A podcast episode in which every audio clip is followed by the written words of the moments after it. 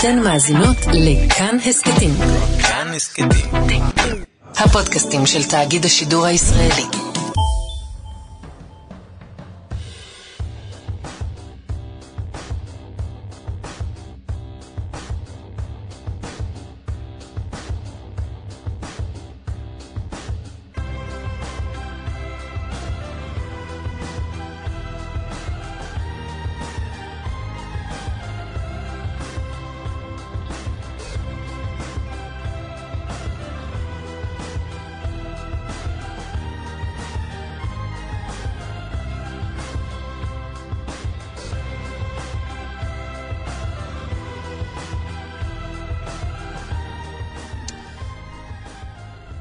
בוקר טוב. שלום רב. זה קורה אחת לתקופה. מה? האביב? יש באוויר איזושהי פרשייה שאסור לדבר עליה. לא, אבל זה כבר לא נכון, אתה מבין? למה? אה. כבר, עוד לא אמרתי כלום. בוקר טוב ויש פרשייה, כבר, אבל כבר לא נכון. יש פרשייה, מה אתה, מה היה הניסוח? הופה, בא לי המסך. יש פרשייה, יש פרשייה שאסור לדבר, זה לא נכון, יש, יש אלמנטים מסוימים ממשהו שאסור להגיד, ואז כשיש אלמנטים מסוימים שאסור להגיד עליהם, ישר הופכים את זה לאיזה פרשייה. אה, יש משהו ביטחוני בצפון. וצמד המדינה, משהו ביטחוני בצפון. הכותרת של ידיעות אחרונות הראשית הבוקר, דריכות בצה"ל בעקבות אירוע ביטחוני חריג. כתוב שם בצפון? לא כתוב בצפון? אה, עכשיו אני הפרתי... כן, כן. מי זה? אתה מהצנזורה. זה אסף, בבקשה. בוא, שב כאן. לאן אתם לוקחים אותו? עכשיו לקחו אותי לכלא. אני דווקא באתי להרגיע. באת להרגיע, יופי. יצאתי... שרוף כאן אסמים. נהדר, תודה רבה לך. או בדרום, לא נתת לי לסיים את המשפט. זה קלמן. וליברמן, אני לא קשור אליו. בקיצור, אה, אז אחת לכמה זמן יש, יש אירוע כזה, באיזשהו מקום. צפון כדוגמה, לא אמרתי צפון. של אותו מדינה גם. נכון. והצנזורה לא משחררת אה, פרטים לפרסום, ואז אתה פתאום מתחיל לגלות בוואטסאפ את אה, דינה שהייתה איתך בגן של עדנה, ואת דודי שהיה איתך בטירונות יומיים, ופתאום אומר, היי אחי, קודם כל אה, רציתי לשאול מה שלומך, וכולם מתעניינים. קודם כל זה יפה. יפה. זה מחמם את הלב שפעם בכמה זמן אנשים מתעניינים מה, בך. אתה סוגר חשבון עכשיו? זה סוגר חשבון עם כל האנשים שלא התעניינו בך כל השנים ועכשיו נזכרים בך? לא, לא, אני עניתי... התוכנית אני עניתי התוכנית בנימוס- שלנו היא תוכנית אקטואליה, זה לא נועד לזה, קלמן. אני עניתי בנימוס לכולם. איני יודע. כמעט. אז- אה, אז אז הפער בין הכותרת בידיעות לבין... אני אני קורא, אני מדפדף, אתם שומעים שזה? אני? כן, כן. אני עושה את זה ליד פנימה, המיקרופון, וקראתי. את ה... קראתי את הידיעה בעמודים אה, 4-5. אה, אבל אולי זה לא קשור. טוב, בוא אני רוצה להגיד ככה. אני או, לא... אני- או, אני- עד עכשיו זה היה שטויות, הבהלת אותי בא. נורא. כן. הבהלת אותי נורא מזה שאני עושה זה. מי שקורא באמת את העיתון, לצורך העניין ידיעות, מבין את הסיפור. מבין למה זה קשור. יודע ש... לא, לא, לא, נחטף, אה, לא נחטף חייל, ולא כל מיני שמועות שרצו בכל מיני מקומות, איזה משהו... זה מותר להגיד שלא נחטף חייל? לא יודע. אני לא יודע, אני לא יודע כלום. אני לא יודע כלום. למה אתה סיפרת לי מה קרה? מה, אתה עכשיו חושף פה מאחורי הזה? אסור לי להגיד בשידור שסיפרתי לך מה קרה. לא, בסדר, אתמול, אתמול אני לא ידעתי במה מדובר, ואתה סיפרת לי. אבל אני לא רוצה להגיד בשידור. זה- בשידור, הנה. זה איזשהו אלמנט בתוך אה, פרשייה שמדברים עליה כבר, ויש איזה אלמנט חסוי, ויהיה בסדר, הכל בסדר. חבר'ה, ש- הכל בסדר, אפשר להגיד ש... שזה גם צנזורה? לא, לא יודע. זה שהכל בסדר, מותר להגיד? לא יודע, עוד רגע לא- נשאל את רועי שרון, עוד רגע אני- רועי שרון יעשה לנו טוב. סדר גם במה מותר ומה אסור, וגם במה שהוא יכול להגיד על מה שקורה. טוב. מה שברור זה ש... אגב, תודה רבה ש... אה, מי שרוצ... קלמן ממש בקיא בפרשה הזאת שאסור לדבר עליה, ומי שרוצה פרטים, קלמן הסביר לי את זה גם אתמול כל כך טוב. כל הכבוד. אם היינו חיים בתקופה של פינוקיו, היה נהיה לך אף ארוך עכשיו. אה, איזו תקופה זו הייתה, אה? כן. אני מה שברור זה- אני יכול לתת את המספר שלך שאנשים יתקשרו אליך? מה שברור זה... למה רק החבר'ה מכיתה ג' אה, יכולים לצלצל אליך? מה שברור זה שככל שהצנזורה אה, מחסה משהו, מחסה זו מילה יפה, ככה העניין גדל, ככה הרשתות בוערות. אולי כדאי לשחרר משהו ולהרגיע את העסק, לא? עוד רגע נשאל את רועי שרון. חוץ מזה, יהיה נדבר- איתנו ממש בעוד רגע חבר הכנסת יצחק פינדרוס מיהדות התורה. אה, נדבר איתו על אה, המגעים שהוא מכיר בניסיונות לפשרה להגיע ל... מה, מה מצחיק? נו, אתה הבאת פה את כל העולם עכשיו אה, בוואטסאפ כן? לשאול אותי שאלות. הוא סתם אוקיי. צחק, אני באמת לא יודע. אמ, חבר הכנסת פינדרוס מיהדות התורה אה, בקיא בניסיונות אה, לפשרה אצל הנשיא. אתה תמשיך להתעסק עם חברים שלך מכיתה ג'. אמ, נדבר איתו לאן זה הולך, אה, האירוע הזה. עוד בעניין הזה, חבר הכנסת לשעבר, איתן גינצבורג, איש כחול לבן, גם הוא בקיא בעניינים. נשאל אותו לאן אה, המשבר הפוליטי והחוקתי הזה הולך. בפתח השעה הבאה תהיה לנו שיחה מעניינת. את תמונת אה, שלושת הצנחנים בכותל אה, אחרי מלחמת השחרור, מלחמת... פעם שנייה שאני טועה בזה השבוע, מה? יוצא לי השחרור. מלחמת ששת הימים. תמונה הזו כולנו מכירים. מלחמת שחרור הכותל. כן. אה, שלושת הצנחנים. הצנחן מימין הוא חיים אושרי, למרכזי קוראים יצחק יפעת, ולגבי השלישי, ההוא משמאל בתמונה, התחילה בשנים האחרונות, התחיל איזה דיון מי האיש, אחרי שהרבה מאוד שנים ידענו, חשבנו שידענו מי הוא. תביעת דיבה שבאה לסיומה לפני ימים ספורים, התנהלה בין ציון קרסנטי, שכל השנים ידענו שהוא האיש, לבין ילד. ילדים של האדון בורשטיין, שנפטר לפני שנים, ואומרים, אבא שלנו אמר לנו שזה הוא בתמונה. והם ניהלו קרב בבית למה המשפט. זה נשמע שלקחת צד? התיאור הזה שלך, סליחה, התיאור הזה הוא תיאור לא נקי. זה נשמע כאילו יש לך צד פה בסכסוך הזה. אני אגיב לזה תוך כדי השיחה באייטם עצמו, בסדר? כן, כן. אתה תרד מהגדר ו... כן, כן, כי נדמה לי שגם בית המשפט לקח קצת צד. בעצם לא הכריע בסוגיה. כן, אבל אה, אם אתה קורא את פסק הדין, אתה מבין מה חושב השופט על השאלה האם קרסנטי או בורשטיין אה, עומדים שם בתמונה. אבל זו שיחה מעניינת, כי זו תמונה איקונית. איקונית. אה, שני עורכי הדין של הצדדים יהיו פה אה, אחרי חדשות תשע. אה, ועוד הרבה דברים מעניינים. איתמר דרוקמן ותימור טל עורכים נדב רוזנצוויג מפיק, קובי בז'יק, טכנאי השידור, רועי שרון, כתבנו הצבאי, שלום. שלום. אגב, זה קצת כמו מי הפיל את המטוס ביבנה, רק ששם לא הלכנו לבית משפט. נכון, נכון, יפה. או כמו הטנק בדגניה. מה, מה אפשר להגיד על, אה, על מה שאפשר להגיד? שום דבר.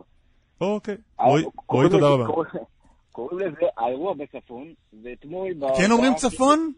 כן, אומרים, קוראים לזה האירוע אה, בצפון. כי קלמן שלח אליי את הצנזורה. כבר, כי אמרתי צפון. לא. אז אתמול הייתה, יצאה הודעה בשבע בערב של שר הביטחון של גלנט, שהוא קיים במהלך היממה האחרונה, נצמד לנוסח, כן? מספר הערכות מצב בעקבות האירועים הביטחוניים. אז מה הם אותם אירועים ביטחוניים? על מה מדובר? יש את המטען המפורסם שהתפוצץ שלשום בבוקר ליד מגידו, ולמטען הזה אנחנו קוראים האירועים הביטחוניים, כי יש דברים שעדיין אנחנו בצנזורה פוסלים ואנחנו לא יכולים אה, להרחיב עליהם, אז קוראים לכל הסיפור הזה האירוע בצפון או האירועים הביטחוניים, שמה שאנחנו יכולים לדבר עליו זה כרגע רק המטען. מה אנחנו כן יכולים להגיד על המטען הזה? שהוא רגע, שונה רגע, רגע, מהמטענים. אז האירועים בצפון, האירועים הביטחוניים כן. בצפון, זה זה? זה מגידו?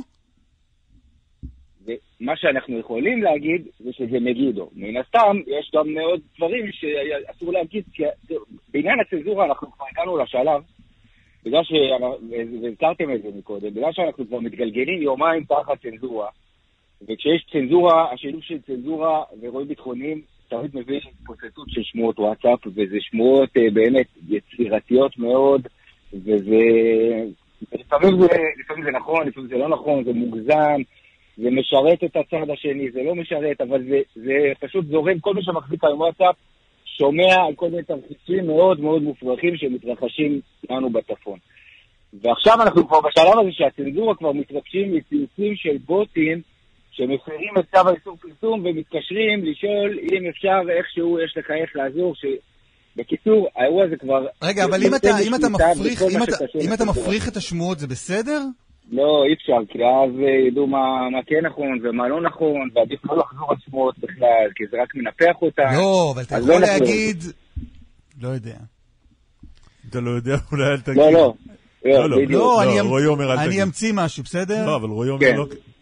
תמצית. נגיד פרצה מלחמה. נגיד יש, נגיד יש שמועה שפרצה מלחמה. אה, מלחמה חשאית שאנחנו עדיין לא יודעים עליה. אתה לא יכול לעלות לרדיו ולהגיד, חברים, להירגע, לא פרצה מלחמה? זה לא גם לא לפני- בסדר? אתה לא יכול להגיד לא נחטף חייל ככל שיש אה, שמועה כזו? לפני שש שנים, כשהתרסק מסוק בדרום הארץ, והיה זה כמובן אה, צנזורה, כי עדיין לא הודיעו למשפחות, ואז השמועות דיברו, דיברו על רב אלוף גדי איזנקוט שנהרג בתאונת מסוק. ייבדל לחיים ארוכים, כן? ואז השמועות האלה התפשטו כל כך חזק, ולמרות שלא הודיעו עדיין למשפחה, דובר צה"ל אישר לכתבים הצבאיים לצאת עכשיו בתקשורת ולהגיד שהרמטכ"ל לא נהרג בתאונת מסוק. כדי לפחות שאת זה נדע. אז לגבי, אתה שואל על המלחמה, אז לא פרצה מלחמה אה, בצפון, אבל כן יש אירוע ביטחוני, והוא כן חריג, והוא שונה מה, מהמאפיינים שראינו בשנה האחרונה, שאנחנו בתוך גל טרור בזירה הפלסטינית. אז המאפיינים של המטען הזה, של האירוע בצפון הזה, הם שונים. רועי, בהמשך למה שאסף שאל קודם, מותר להגיד מהאירוע הזה נושם או שהוא אירוע ש- שנגמר? זה מותר להגיד? אסור להגיד. אסור להגיד. וואי וואי, רועי, נו באמת. לא, אבל אה, זה לא, אין פה סורים כרגע על הגדרות. אה, יש, בוא, אני, אני פשוט, אני לא רוצה לחרוג מההנחיות. לא, לא. בסדר, לכן אני שואל בזהירות. אז- אבל רוב האירוע מאחורינו, אבל גם את זה, אני כבר, אה, אני כבר מתחיל להסתבך פה, אתם לוקחים לא, לא, אל תסתבך. אל תסתבך. רוב האירוע אז אני אגיד לכם מה מאחורינו. כן אפשר, אני, אני אגיד לכם מה כן, אפשר, מה כן אפשר להגיד, ובזה נסגור את הסיפור, אוקיי? אחד, שהמטען הזה שהופעל ב- במגידו, וכנראה הוא לא התפוצץ על היעד שהוא היה מופעל. אני, אני לא יודע מה היעד, ואני לא יודע על מי הוא היה אמור להיות מופעל, ויכול להיות בכלל שזו הייתה תאונת עבודה, ואני לא יודע גם מי הניח אותו, אבל האזרח הערבי-ישראלי שנפצע שם קשה, הוא לא היה היעד, והוא לא קשור למטען הזה, לא מהצד שמניח ולא מהצד שנפצע ממנו. והמטען הזה הוא שונה מהמטענים שיש עלייה במטענים בחודשים האחרונים בזירה הפלסטינית, זה מטען שונה. וזה נכון גם להגיד שבמערכת הביטחון באמת מוטרדים מרצף של הנחת מטענים ושל מטעני חבלה שהולכים ומשתדרגים, אבל המטען הזה הוא מטריד יותר את מערכת הביטחון מכל המטענים שראינו בחודשים האחרונים, ואני חושב שזה הכל. לזכותך ייאמר שתחת המגבלות עשית את המיטב. נתת הכל. באמת. נתת הכל. רועי שרון, את המקסימום. רועי שרון, נבוא לבקר אותך במעצר. תודה רבה לך, רועי שרון. פיצוחים בימי שישי, להתראות. ביי. חבר הכנסת יצחק פינדרוס, יהדות התורה, שלום, בוקר טוב. שלום וברכה, בוקר טוב. אל תגיד לנו מה האירוע, אבל אתה יודע מה האירוע לא. המדובר? לא, אני לא יכול לעבור על הצנזורה גם אם הייתי רוצה, כי אני לא יודע. אני חושב שאתה הפוליטיקאי הראשון שמודה בזה בפה מלא. במצ- מלא. במצבים כאלה. כן, נהוג לומר... אה, אני לא יכול אני להגיד. לא יכול לשתף אתכם, מצטער, הייתי רוצה, הייתי אבל... רוצה, אה, אני לא יכול להגיד לכם. ואז שואלים, אתה יודע? אבל עזוב, אל תגיד, אבל אתה יודע? אבל לא, אני לא יכול גם להגיד אם אני יודע. אז אה, מה לעשות, הקלתי עליכם את המלאכה, לא יודע. יפה, כל הכבוד על היושרה. תגיד, אה, אתם, אתם חלק מה, מהאירוע הזה של אה, כן פשרה, לא פשרה, מגעים? אני מדבר על זה הרפורמה המשפטית. מה זה אנחנו חלק מהאירוע? יש אה, קואליציה. לא, זה ברור, אבל יש כאלה שינויים. יש, יש, אנחנו שומעים אה, מאחורי הקלעים על כל מיני אנשים שמנסים לדבר עם כל מיני אנשים, אתם חלק מזה? אנחנו אה, נמצאים בסיטואציה שאנחנו, אה, כמו כל הקואליציה, אמרתי את זה, שאומרים לכל מי שמוכן לבוא להציע הצעה, אה, שיציע אותה. אני משתתף בדיוני ועדת חוקה, אני גם אה, מדבר עם אנשים, מדבר עם חברים, מדבר עם אנשים מכל הצדדים, מנסה לשמוע. אה, בינתיים, לצערנו, אין, אין מישהו לדבר בצד השני, אבל אנחנו נשמח לקבל רעיונות. עזוב רגע את הצד השני, נניח שאתה לבד כאן. הרפורמה כמו שהיא עכשיו, החוקים שעולים פה ושם לקריאה ראשונה, אתה שלם איתם לגמרי? לא, אני חושב שצריך לשפר, אני חושב שיש? חששות אה, מוצדקים ולא מוצדקים. תראה, אני, אני יכול להגיד לך באופן כללי, מה זה מה לדוגמה, רצים הרבה רעיונות, אני יכול להגיד לך דבר אחד. המטרה לפחות ש, שלנו היא שבית המשפט העליון והמערכת המשפטית, הייעוץ המשפטי, כל המערכת לא תהיה מעל אה, הכנסת, אלא תהיה שוות ערך. זאת אומרת, הכנסת גם תוכל לקבל החלטות, אה, וגם תוכל, וגם הרשות המבצעת תוכל לבצע מדיניות. כיום הסיטואציה היא לא כזאת, זאת אומרת אין איזון. על אף שמנסים ליצור שיש איזון, אין איזון. האיזון הזה הופר בשלושים שנה האחרונות, ב, אה, הייתי אומר בזחילה, אבל בסופו של דבר זה הופר. את האיזון הזה צריך להחזיר. לא, כל נוסחה אותך... שבסופו של דבר תחזיר את הנוסחה הזאת היא נוסחה טובה. אני מסכים שאם הכנסת אה, לא, תהיה... אמרת, ש... אמרת שיפורים ב... ב... ב... בחקיקה שיש כרגע, שמתנהלת כרגע בכנסת. מהם השינויים שאתה רוצה לעשות? שאתה חושב שצריכים לעשות? אמרתי, בסופו של דבר להבטיח שכן בית המשפט העליון יוכל לעשות את תפקידו בשמירה על זכויות אדם, בשמירה על... אה, לא, אז אה, מה בעיניך. בהצעת החוק הזאת, שמונח... בהצעות החוק שמונחות כרגע על השולחן, במה הן יותר מדי? תראה, אמר את זה גם אה, אה, אה, שמחה בקולו. ההצעה שהייתה שצריכים 100% מבית המשפט העליון שיחליט על פסילת חוק היא מוגזמת. לא יכול להיות 15 מתוך 15. אז צריך למצוא מספר באמצע. אבל שכן, יהיה משהו סביר. שהקואליציה ממנה לבד את כל השופטים, אני גם מסכים, זה לא צריך להיות ככה, אבל צריך למצוא דרך מאזנת. עכשיו, את הדברים האלה, בתוך הנוסחאות האלה, אני לא משפטן, אבל בסופו של דבר צריך לשבת משפטנים ולמצוא נוסחה מאזנת. אתה אומר, הרכב הוועדה לבחירת שופטים, לא יכול להיות שהקואליציה תמנה לבד את השופטים. לבד את כל השופטים, אני מסכים. זה לא, לא הגיוני. כמו שאני, בוא נאמר, כמו שאני מרגיש נפגע מהמהפכה המשפטית שעשה אהרן ברק ותלמידיו, אני לא מעוניין שהצד השני ירגיש נפגע משינויים שאנחנו נעשה. אתה, אתה משמיע את הקול הזה בוועדה? אני חושב שכן, כמעט בכל ישיבה. תגיד, מה חלקך אבל במתווה פרידמן אלבשן? חלקי, זה, דיברתי עם אה, גיורא ירון כחבר שהשתתף בהפגנות והיה מוטרד מהמצב במדינה והיה חלק מההפגנות, ואת מה שאני אומר לכם בשידור אמרתי לו גם בשיחת טלפון, אתה יודע, זה, לפעמים זה מוזר כי לא אומרים את אותו דבר, אבל אה, אני השתדלתי כן לומר את אותו דבר, ואמרתי גם לו, אני מוטרד. תביא אה, איזושהי הצעה, הוא יזם את הפגישה עם פרופסור פרידמן, השתתפתי בפגישה יחד עם רוטמן, ואמרנו להם את, את אותם דברים שאני אומר לך, לא משהו אחר, אמרנו גם להם. לא, אתה אומר את זה, אני, המנגינה שלך היא קצת אה, מבטלת, אבל על פי הסיפור הזה נשמע שאתה יזמת את המתווה, ואת הפורום לא, הזה. לא, לא, אני אומר לך שוב. לא, בעקבות, בעקבות שיחת הטלפון, בעקבות שיחת הטלפון שיחה, שלך, בעקבות אותה שיחה, היה לנו כמה שיחות. אה, הוא דיבר על כמה שהוא מוטרד מהרפורמה, ומה התחושה של המפגינים, ומה התחושה של מארגני ההפגנות, ומה התחושות של האנשים. ואני אמרתי לו, אני יכול להבין את מה שאתם מרגישים. תבין שיש גם צד שני שמרגיש אחרת. ואם יש לך איזשהו דרך אה, לעזור בעניין הזה, אני אשמח. ואז הוא הלך ו- והביא את הח... פנה לפרופסור פרידמן, ופנה ליובל אלבשן, ופנה לגיורא. אה, הייתה פגישה עם אה, פרופסור פרידמן יחד איתי, ועם, אני ביקשתי מרוטמן לבוא. כמובן שהלו"ז שלו היה מאוד צפוף, אז לקח כמה ימים, הגיע, הגענו לפגישה. הם ישבו בינם לבין עצמם, לא איתנו. ושלחו לנו מתווה, שגם שם יש אה, דברים שצריך אה, לשנות, אני לא חושב שהוא המתווה האופטימלי, אבל אה, הוא מתווה שאפשר לדבר עליו, הוא מתווה שמתייחס לבעיות שאמרתי. לא, אתה הבאת לשולחן את שני הצדדים. נכון? אפשר? אפשר היה להגדיר את זה ככה? יכול להיות. אוקיי. אז עכשיו כששני הצדדים ב... זו שעה של פרשנות. לא, אתה הלכת ל... הלכת זו לרוטמן... הייתה פרשנות תכליתית. כן, לא, הלכת, הלכת, הלכת ל... פרשנות סבירה, כן. וזה מידתי וסביר. הלכת ל- לרוטמן ולוין ואמרת להם, חבר'ה, יש פה מתווה, בואו תקשיבו ובואו תראו מה... לא, לא, אומרים על זה." לפני שהיה מתווה, אמרתי בוא ניפגש ונשמע את האנשים. בוא ניפגש ונשמע את האנשים, זה התחיל עם רוטמן, והם ישבו בינם לבין עצמם, בנו מתווה, נפגשו עם לוין, אני כבר בפגישה הזאת לא הייתי. ולפני אה, שאבל בשביל- אלבשן ופרידמן הוציאו את המתווה שלהם, ראית, ראית טיוטות שלו? ראית על מה הם עובדים? לא, לא. לא, לא, לא, הם עשו את זה בינם לבין עצמם, אה, והם הודיעו לי, לי אחרי כמה ימים, אנחנו מוכנים עם מתווה, תקבע לנו פגישה נוספת. כמה אנשים לדעתך בקואליציה חושבים כמוך שבגדול דרושה רפורמה, אבל יש לתקן את, את זו הנוכחית ש- שמונחת אה, על שולחן הכנסת עכשיו? אתה יודע, בטבעה של חקיקה, ואתם גם יודעים את זה, אין אף חוק אה, שנכנס לכנסת אה, בקריאה טרומית או קריאה ראשונה ויוצא בקריאה שנייה ושלישית אותו דבר כמעט. זה דבר שהוא אה, נדיר, ואני חושב שהוא גם הגיוני. אה, זה הדרך של תהליכי חקיקה, ולכן, אתה יודע, קצת הקריאה הזאת, תעצרו, תעצרו, תעצרו. ככה מתנהלת אה, חקיקה במדינת ישראל, ככה מתנהל דיאלוג במדינת ישראל, הוא מתנהל בוועדות או במסדרון האחורי, בפרסה או בח- בחדרי אה, יושב ראש הוועדה, וככה מתנהלים דיונים.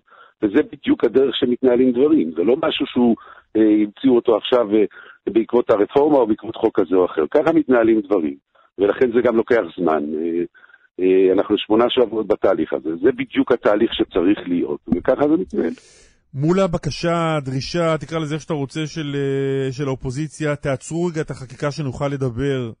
איפה העמדה שלך? זה פיקציה, אין דבר כזה. למה? אין דבר כזה, כי אני... מה, מה, למה בשמונה שבועות האחרונים, ואתה קח דוגמה ממה שאני עשיתי בשבועיים האחרונים, איפה הם היו בשמונה שבועות האחרונים? למה לא נכנסו לחדר? זה שמונה שבועות, הרי זה לא חוק לא מחוקק ביום אחד. גם השנייה והשלישית לא הולכת להיות מחוקקת היום ביום רביעי, וגם לא מחר יום חמישי, ואני מאמין שגם לא ביום שישי. לא, אבל אז... אתם, אתם כרגע רצים עם מתווה שאתה לא מאמין? מה זה רצים? לא מתווה. מה. זה רצים? לא רצים, מתקדמים? עזוב, לא מתקדמים, מנהלים דיונים. מתקדמים, מתקדמים, חבר הכנסת פינדרוס. מה זה מתקדמים? מה זה מנהלים מתקדמים? דיונים, הרי לא הצביעו היום, לא מצביעים היום בוועדה, נכון? לא, בסדר, מנהלים העברתם- דיונים. אז יבוא, אה, בקריאה לצורך העניין, העברתם- גנץ, רגע, העברתם- מיכאלי, בקריאה ראשונה כמה וכמה את כל- את כל את כל החוקים. שאתה אומר שהם יותר מדי. אז אני אומר לך, אה, אה, קריאה ראשונה זו טיוטה לדיון. יושבים בחדר, אה, מגנץ ולפיד ומי שלא רוצה, ליברמן מי שלא רוצה, מגיעים לוועדה, או את נציגיהם, יושבים בוועדה, ואם הם רוצים יכולים לקבוע אחרי הוועדה או לפני הוועדה או תוך כדי הוועדה ישיבה, ולבוא ולהגיד רבותיי, א', כן טוב, ב', לא טוב, ג', יותר טוב, וד', צריך לשפר. את זה לא נעשה, יש כבר חודשיים, אנחנו בתוך התהליך, זה לא נעשה על ידי נציגי האופוזיציה, אה, ולא אה, נעשה בכלל. וצר לי על כך, וצר לכולנו על כך, אני חושב שלוין אמר את זה בקולו, אתה לא צריך אותי בשביל זה, אתה שואל כמה מהקואליציה, לוין אמר את זה בקולו, לא פעם, לא פעמיים, לא שלוש, ואני אומר לך את זה גם עכשיו. תגיד, איפה עומד אה, עניינו של חוק יסוד לימוד התורה? הוא עדיין לא הוגש, אני מקווה שהוא יוגש, לפי ההסכם הקואליציוני הוא אמור להיות מוגש, אני מקווה שהוא יוגש בהחלט. מה, זה אמור להיות בקרוב? זה אמור להיות, אני לא יודע אם זה יהיה במושב הזה, אני מעריך שזה לא יהיה במושב הזה, יהיה במושב הבא, אבל אני מאמין שהוא יוגש. אתה יודע להסביר מה, מה יתקן החוק הזה? כלומר, מה יהיה שונה אחריו? כשאנחנו, מ- מ- אמרתי את זה מקודם, הרשות המחוקק, הרשות השופטת בעצם מנהלת מין פינג פונג של אה, ניהול האירוע. ואנחנו כל הזמן בדילמות, אה, זה מצחיק, אתה יודע, אמרת מקודם, למה לא, דורשים להפסיק את החקיקה, אבל לא מפסיקים את התערבות בית המשפט העליון בעבודה השוטפת, גם של המחוקקת וגם של המבצעת. זה לא הפסקת אש משני הצדדים, הם מבקשים מצד אחד. אז אה, כרגע אנחנו נמצאים פתוחים מול בית המשפט העליון בהרבה נושאים, כולל חוק הגיוס. את הדבר הזה צריך, האם אה, במדינת ישראל לימוד תורה הוא ערך או לא ערך? חוק יסוד לימוד התורה, אם יעבור, אה, יפתור את, ה, את הצורך של אה, חרדים או של מי שלומד תורה להתגייס לצה"ל? הוא יעשה את לימוד התורה כערך, שכשאתה מתחיל לדבר על ערך השוויון, יש עוד ערך במדינת ישראל שקוראים לו ערך לימוד תורה. לא, ערך לימוד תורה ודאי חשוב, אבל הוא ערך ש... אבל הוא לא, אבל הוא לא נמצא בחקיקה, ואז כשאתה בא לבית לא, לא המשפט דבר העליון, הוא משחק במשחק מילים. יש המון ערכים אה, חשובים מאוד, ש- נכון. שאתה ואני זכויות ילדינו אדם, לאורם נכון? והם לא בחקיקה. לא, לא, אבל- זכויות אדם זה ערך חשוב. לא, אז אני שואל משהו אחר אבל. למה הוא צריך להיות בחקיקה? למה זכויות אדם צריך להיות בחקיקה? בואו נוותר על זה. כי, כי uh, בעקבות החקיקה הזו יש לה השפעה על חיי היום-יום, ואני שואל אם כאן, אז אני חושב שגם לערך הלימוד התורה יכול להיות... האם חוק היסוד הזה, ההשפעה שלו על חיי היום-יום תהיה שהאדם שיבוא ויגיד, אני לומד תורה, יהיה פטור משירות בצה"ל. לא, יצטרך להיות חוק בנושא הזה של אה, אה, אה, גיוס בצה"ל, האם בזמן לימוד תורה אתה חייב להתגייס או לא חייב להתגייס, גם הנושא הזה צריך לבוא לפתרון על ידי חקיקה. אבל כשאתה בא ואומר שהוא פוגע בערכים, אז צריך לדעת שיש עוד ערכים. לא, אבל תסביר רגע, בהצעת חוק יסוד לימוד התורה כתוב כך, מי שיקבלו על עצמם להתמסר ללימוד תורה לתקופה משמעותית, ייחשבו כמי שמשרתים שירות משמעותי את מדינת ישראל והעם היהודי, וכי תהיה לכך השלכה על זכויותיהם וחובותיהם. נו, ואתה לא חושב כך. עזוב, אני שואל אותך מה אתה חושב על כך. אני לא חושב שיש מישהו, אני לא חושב לא, שיש... האם זה אומר, האם זה בא לא- להשוות... רגע, לא, אני חושב שבוא נאמר, רוב רובו של אה, אנשים במדינת ישראל חושבים שמישהו... לא, זה צריך להיות מה- בחוק... אני שואל מה אה, המשמעות? מה המשמעות? המשמעות היא שלימוד תורה יש כן. לו ערך עליון במדינת היהודים, ויש לו ערך משמעותי ותרומה כמו- משמעותית ל- אה, ל- למדינת ישראל. כמו גיוס לצה"ל מבחינת זכויות לא, וחובות? זה- לא, זה צריך לדון בחוק גיוס לצה"ל. כשאתה מדבר על ערכים, אתה, אתה יודע, בכל אה, חקיקה יש... אה. אתה מדבר על ערכים, זה יצטרכו, ל- בחוק אה, שירות הביטחון, יצטרכו לדון האם יש אה, ממשיך ההסדר שקיים מאז קום המדינה, או ההסדר הזה ייפסק. כי זה נשמע כאילו אתה... לאלה שחושבים שזה ייפסק. כי בית המשפט דחה את, ה... את הדיונים ואמר, בסדר, תחוקקו את החוק ואז נדבר. אני שואל אם המדינה... לא, חוקקו חוק והוא פסל אותו. לא, אה, החוק ש- הזה, החוק הזה. חוק יסוד שוויון, אה, חוק, אה, חוק יסוד לימוד התורה. לא, הוא לא נידון בבית המשפט העליון. הוא מעולם לא נידון. לא, בעקבות. אתם אמרתם שאתם באים לחוקק חוק, ואז בית המשפט דחה את בעקבות הדיונים. אה, בית המשפט העליון, ש... אה, אה, לא, לא, לא, בעקבות לא, לא, לא, לא, ההתערבות... אתם מערבבים בין שני לא, לא, דברים. לא, אני- בעקבות ההתערבות של בג"ץ בענייני הגיוס. נכון.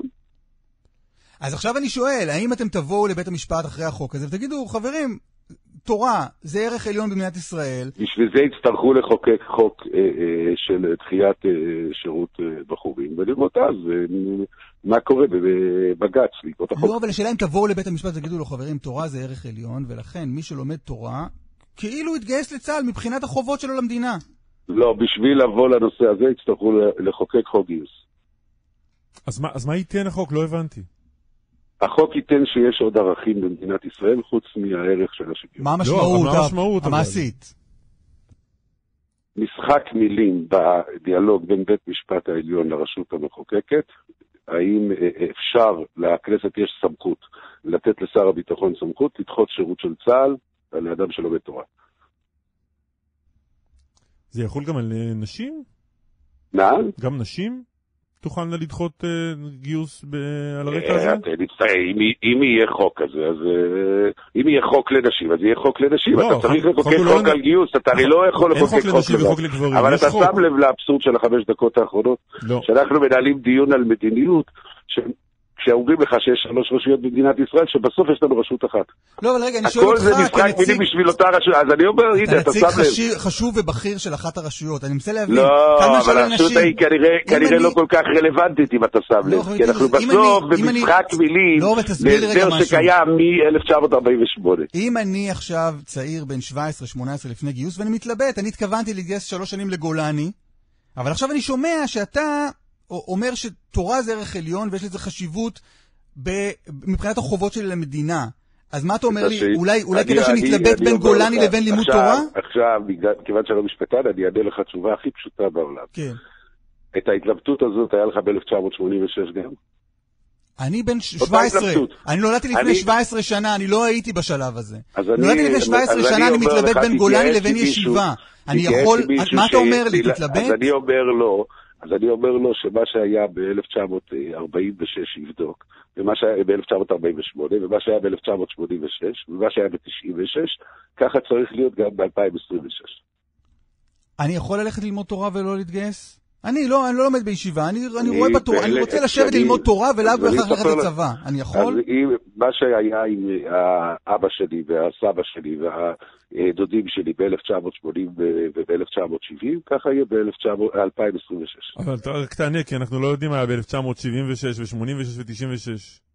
אין לכם תחקירנים? לא, לא, ממש כלום, אנחנו לא... וכאן- זה רק שאנחנו ילדים יודעים- בני כאן אין 17 תחקירים? שרוצים... אמר לך, זה אמרו ילדים בני לנו 17 שבזה כאן שמתלבטים מה לעשות.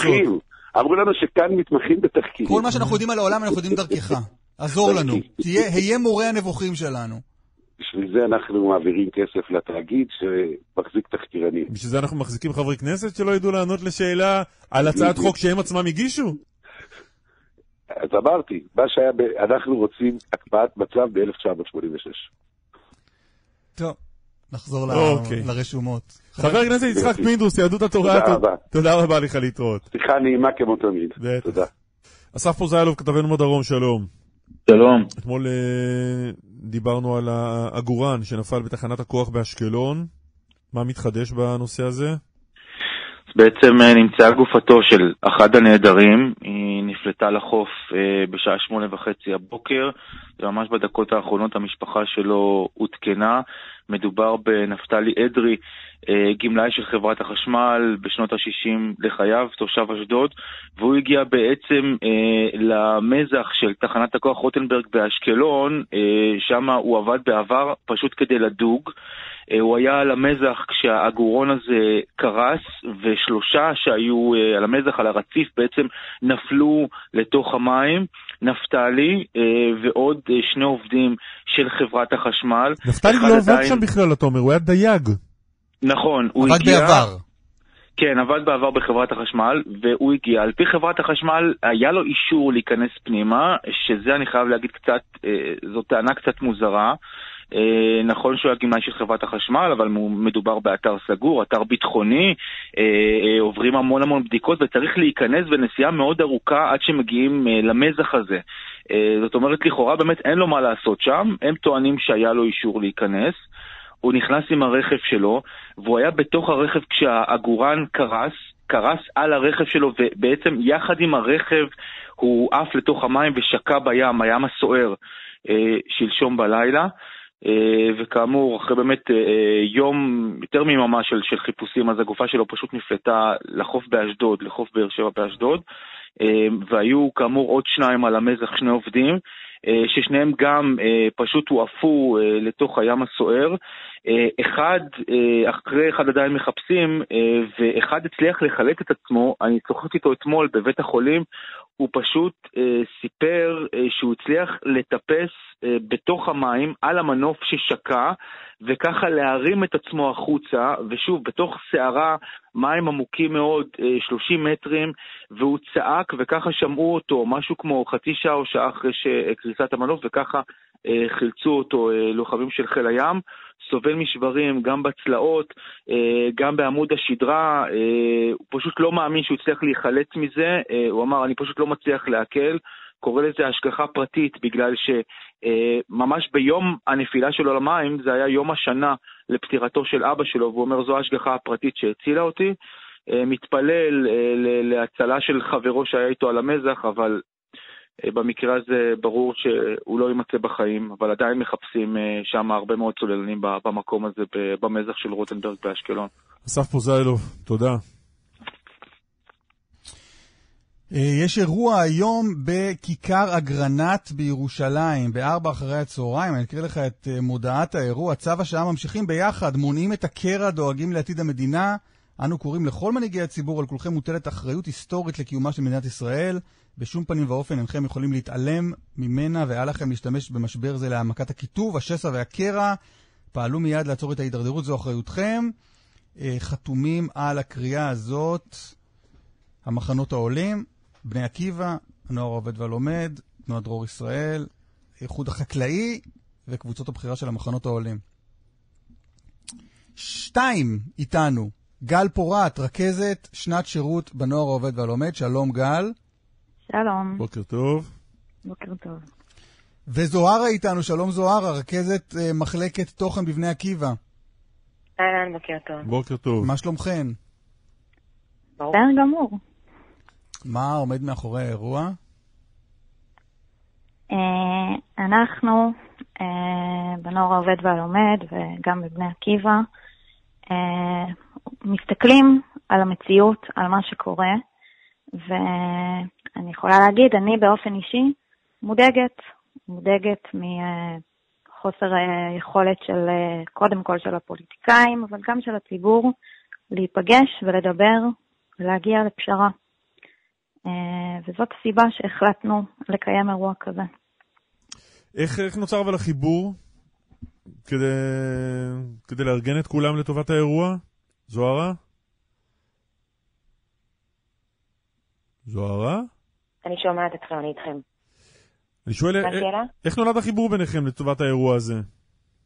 אה, קודם כל, כבר, אה, כבר כמה שנים טובות התנועות נוצר ביניהם קשר, שסובב סביב העצרת של רבין, שהתחיל משם, ומאז נוצרה, נוצרה קואליציית זוכרים את הרצח, נאבקים על הדמוקרטיה.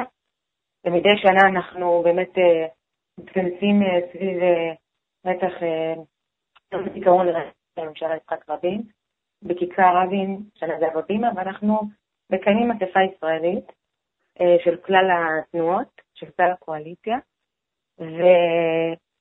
ודיברנו על זה בתנועה שהרבה זמן אנחנו כאילו מתאמנים בקשר בין התנועות, ועכשיו הגיעה השעה אה, לפעול ביחד, להוציא משהו משותף, אה, להשפיע, להשפיע על, על מה שקורה בעם ולמנהיגים.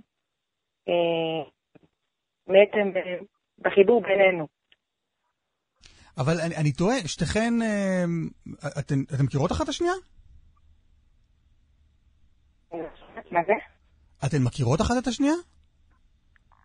אני לא מכירה. נפגשנו, כן, במפגשים. רחבים של הקואליציה, אבל אה, לא באופן אישי. אתן יודעות מה כל אחת אה, חושבת על המהלכים המוצעים כרגע בכנסת? או שאתן, או שאתן מניחות מתוקף השיוך התנועתי?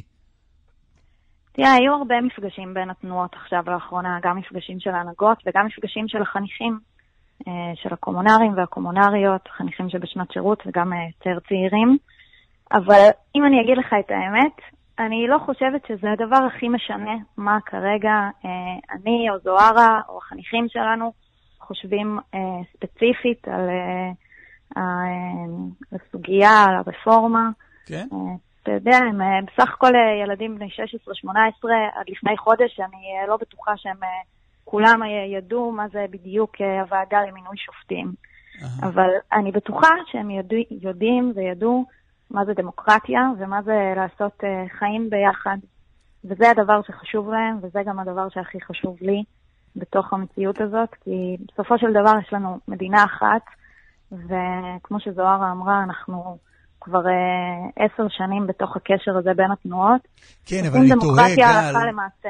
גל, כן. אני תוהה אם אה, תנועת הנוער העובד והלומד, שחתומה על הקריאה למנוע את הקרע ולהמשיך ביחד, תשמע, אם, אם בתנועה ישמעו שהאופוזיציה אומרת, בסדר, נמנע את הקרע, נקבל את ההצעות האלה כפי שהן, והנה הקרע נמנע. זה, זה, אתם זורמים עם זה?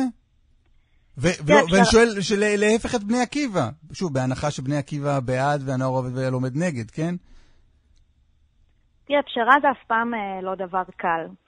אה, אבל אני חושבת שאין שום הישג משמעותי שהיה במדינה, הסכמי שלום, מה שתרצה, שהגיעו אליו בלי פשרה, ובלי זה שכל אחד מהצדדים היה צריך לוותר גם על דברים שחשובים לו, גם על דברים שהוא נאבק עליהם. אבל אין לנו דרך אחרת חוץ מלהיפגש, לדבר ולהגיע להסכמה ולפשרה.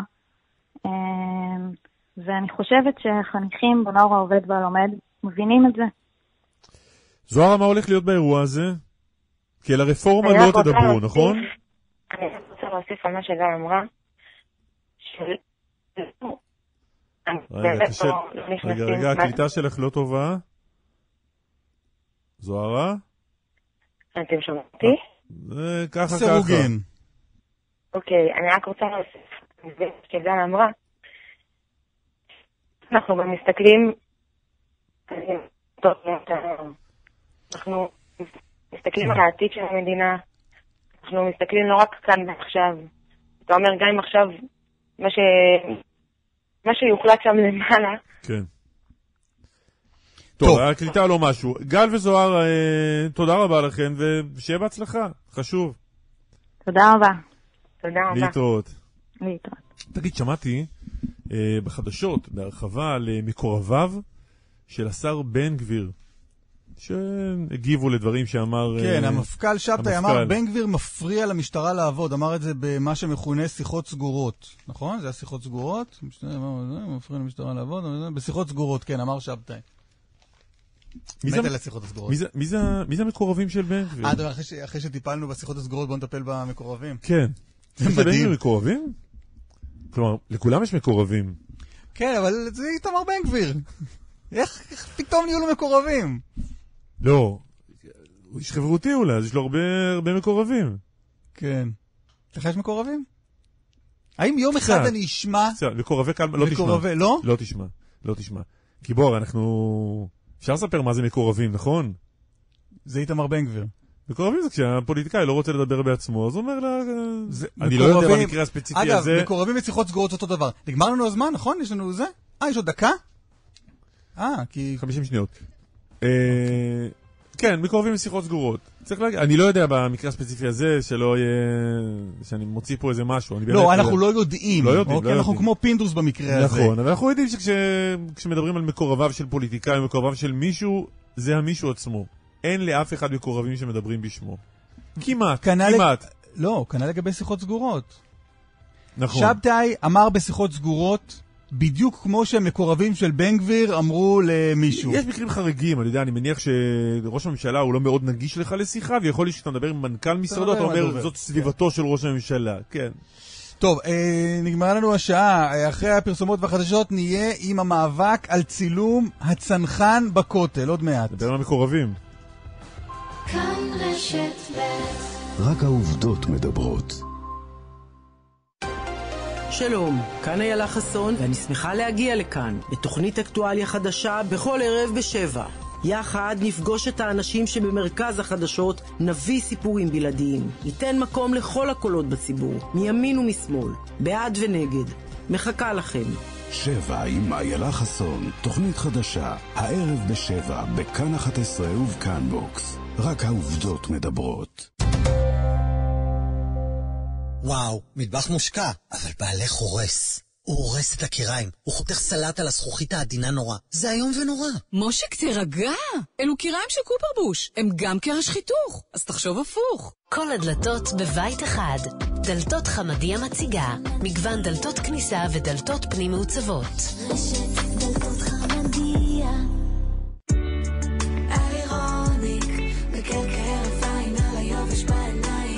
איירוניק, מקל מיד על היובש בעיניים לאורך זמן. בעלי עסקים, רוצים רכב בלי לבזבז מזומן? מזל שאופרייט כאן. במקום לקנות רכב חדש או משומש, תבדקו את הליסינג התפעולי והפרטי של אופרייט. כי בינינו, לא סוגרים לפני שבודקים באופרייט. חייגו, כוכבית 5880. כפוף לתקנון. נו, מה הבעיה? זה קופרבוש. אפשר להחליף לידית בצבע של המטבח. ידית של התנור בצבע של המטבח? זה ממש מהפך! תגידו היי להייליין. דלתות חמדיה משיקה. קולקציה דלתות חדשה בעיצוב מפתיע. רשת דלתות אה, קופרבוש, ברור, אה, אני ידעתי את זה, אני, אני בדקתי אותך, כאילו, ברור, קופרבוש. איסתא, איסתא, הסתדרתי. רוצים להסתדר גם? חייגו 03 7 פעמים 7. איסתא. איך נשמע הקרוז המפואר ביותר שיוצא הקיץ מחיפה? MSC מוסיקה, קרוז בינלאומי באווירה סוחפת ומרגשת. MSC מוסיקה, שבעה לילות מ-799 דולרים. ולמזמינים החודש מחירים מיוחדים לילדים עד גיל 18. מהרו להזמין בכוכבית 2019 ובאתר MSC ישראל. כל הדלתות בבית אחד. דלתות חמדיה מציגה. מגוון דלתות כניסה ודלתות פנים מעוצבות. רשת מושיק, זה לא סט צלחות, אלו הקיריים של קופרבוש בצורת כוורת. אה, קופרבוש, ברור, אה, אני ידעתי את זה, אני, אני בדקתי אותך, כאילו, ברור, קופרבוש. מהרו להזמין הפלגה במנו ספנות לאביב לפני שהמחיר יעלה.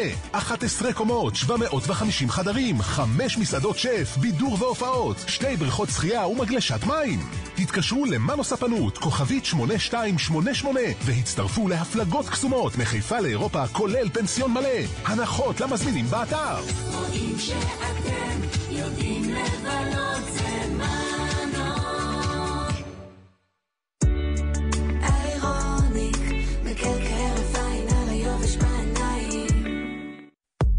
סליחה, מה השנה?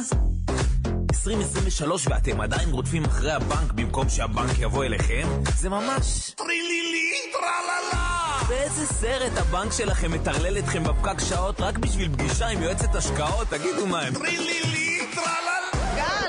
חלאס טרלולים! בעוד שנייה אני... מרגול, מרגול, אל תתפוצצי, בנקאי בזום וסוף לטרילילי. אני רוצה בנקאי בזום כמו כלום ובום מתקתקים פותרים good bye לטרלולים! ללחוץ, ללחוץ, לשנות, ההפך מלקפוץ! זה פרופיס אין! הנה זה עולה לה. בלאומי אני פוגשת איך שבא לי בנקאי בזום איתי שירות פנומנלי ונוח לי עכשיו בקטע לא נורמלי לא נורמלי לראשונה בישראל ורק ללקוחות לאומי. בנקאי אישי בזום. לא עוד התכתבויות מתישות עם בוט בוואטסאפ. בלאומי, הבנקאי האישי שלכם מגיע עד אליכם. מתייעצים, חותמים, סוגרים עניינים, והכל בתוך יום. זה שירות. לאומי, הכי נוח בשירות. מתן השירות בכפוף לתנאי הבנק. קלמן ליבסקינג ואסף ליברמן. כאן, אחרי החדשות. כאן רשת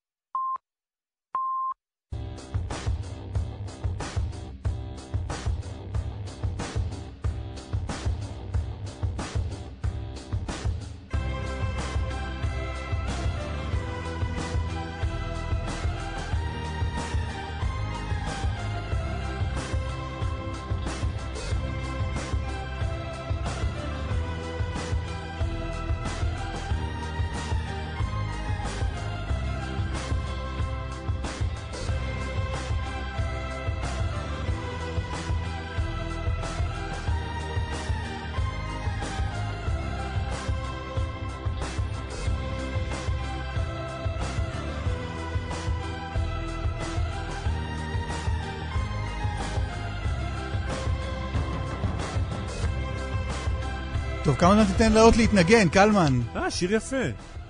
המילים. טוב, נדבר על הכותל? לא ממש על הכותל. דיברנו על uh, אותה תמונה מפורסמת של uh, שלושת הצנחנים. יש שם ארבעה, אגב, לדעתי בתמונה יש אחד שרואים אותו מאחורי הכתף של אחד מהשלושה, נכון? נכ- אה, חמישה אפילו. כן? כן, יש חמישה איש שלושה- בתמונה. שלושה בשורה... שלושה לא. מקדימה ושניים מאחורה. בטח אלה מאחור אומרים לעצמם, יא אללה, יא רק אללה, ברגע הנכון, כן, 20 סנטימטר. קדימה הייתי נותן דחיפה קטנה עם הכתף, הייתי חלק מההיסטוריה ממש. זה כמו ה... אתה זוכר, אני אפילו לא זוכר מה- מה היה האירוע, שמנהיגים התכנסו בפריז, וראו איך נתניהו כן. לאט לאט משתחל לזה. נתניהו יודע את העבודה. זה לקח שלו מהסיפור של התמונה בכותל. לא כולם יודעים להפיק לקחים, נתניהו יודע. כן. בקיצור, אה, יש שם שלושה אנשים. אמרנו חיים אושרי מימין, יצחק יפעת במרכז, והצנחן בשמאל.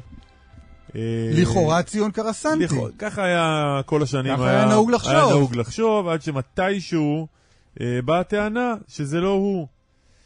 ודיון משפטי הסתיים בעניין הזה ב- לפני כמה ימים, ואנחנו עם שניים. עורך הדין אה, שלומי בן סאבו, שלום לך. בוקר טוב. בוקר טוב, אתה מייצג את אה, ציון קרסנטי, ועורך הדין אורון שוורץ, שלום לך. זה טוב. אהלן, אתה בא כוחה של משפחת בורשטיין. אמת. אורון, מי זו משפחת בורשטיין ו- וממתי היא, היא נכנסה לאירוע?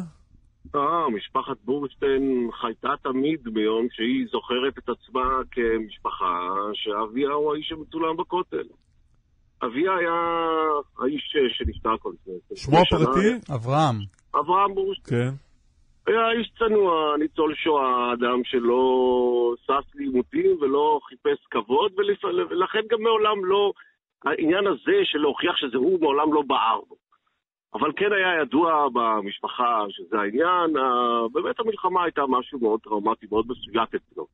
אבל המשפחה תמיד היה ברור שזה, שזה, שזה הוא, אני לא בטוח... שזה הוא בתמונה היה ולא. ציון קרסנטי. נכון, הוא לא ידע בכלל על קיומו של אדם נוסף. לא, מה זה לא לומר ידע? ציון לא קרסנטי, ציון קרסנטי הוא... התמונה הזו, התקשורת עסקה בה הרבה מאוד שנים, וראיינו את השלושה האלה, ו... לא בשנים ההן. אה, תזכור, בורשטיין נפטר בשנות ה-90. קרסתי למיטב ידיעתי מתחיל אה, אה, להישמע כאיש שטוען ל- אה, אה, לזהותו שם בצילום, לדעתי רק בתחילת שנות האלפיים.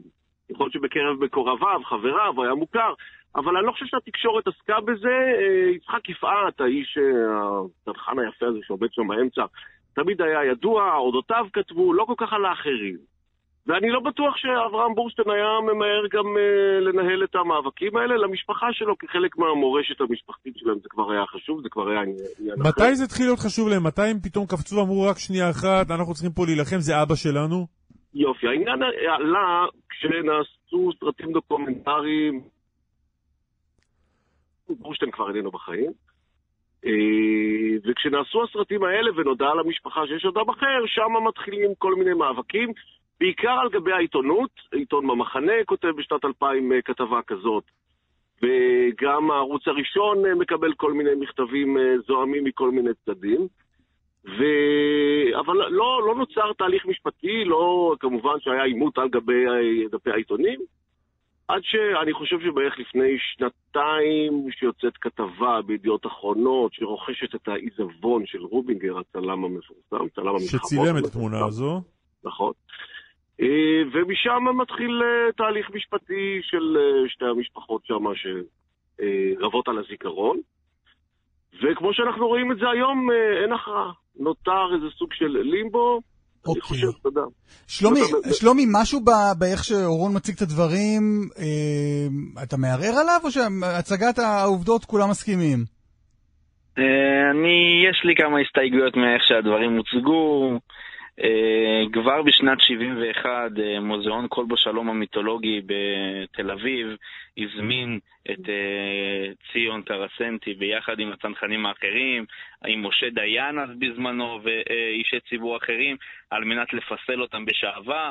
הם כבר ביצעו את התחקיר שלהם וגילו שזה הוא. אה, בשנת 2000, שעה שהטענות של משפחת בורשטיין אה, הועלו כלפי מורשת הצנחנים, או הערוץ הראשון, בוצע באמת תחקיר מעמיק המח...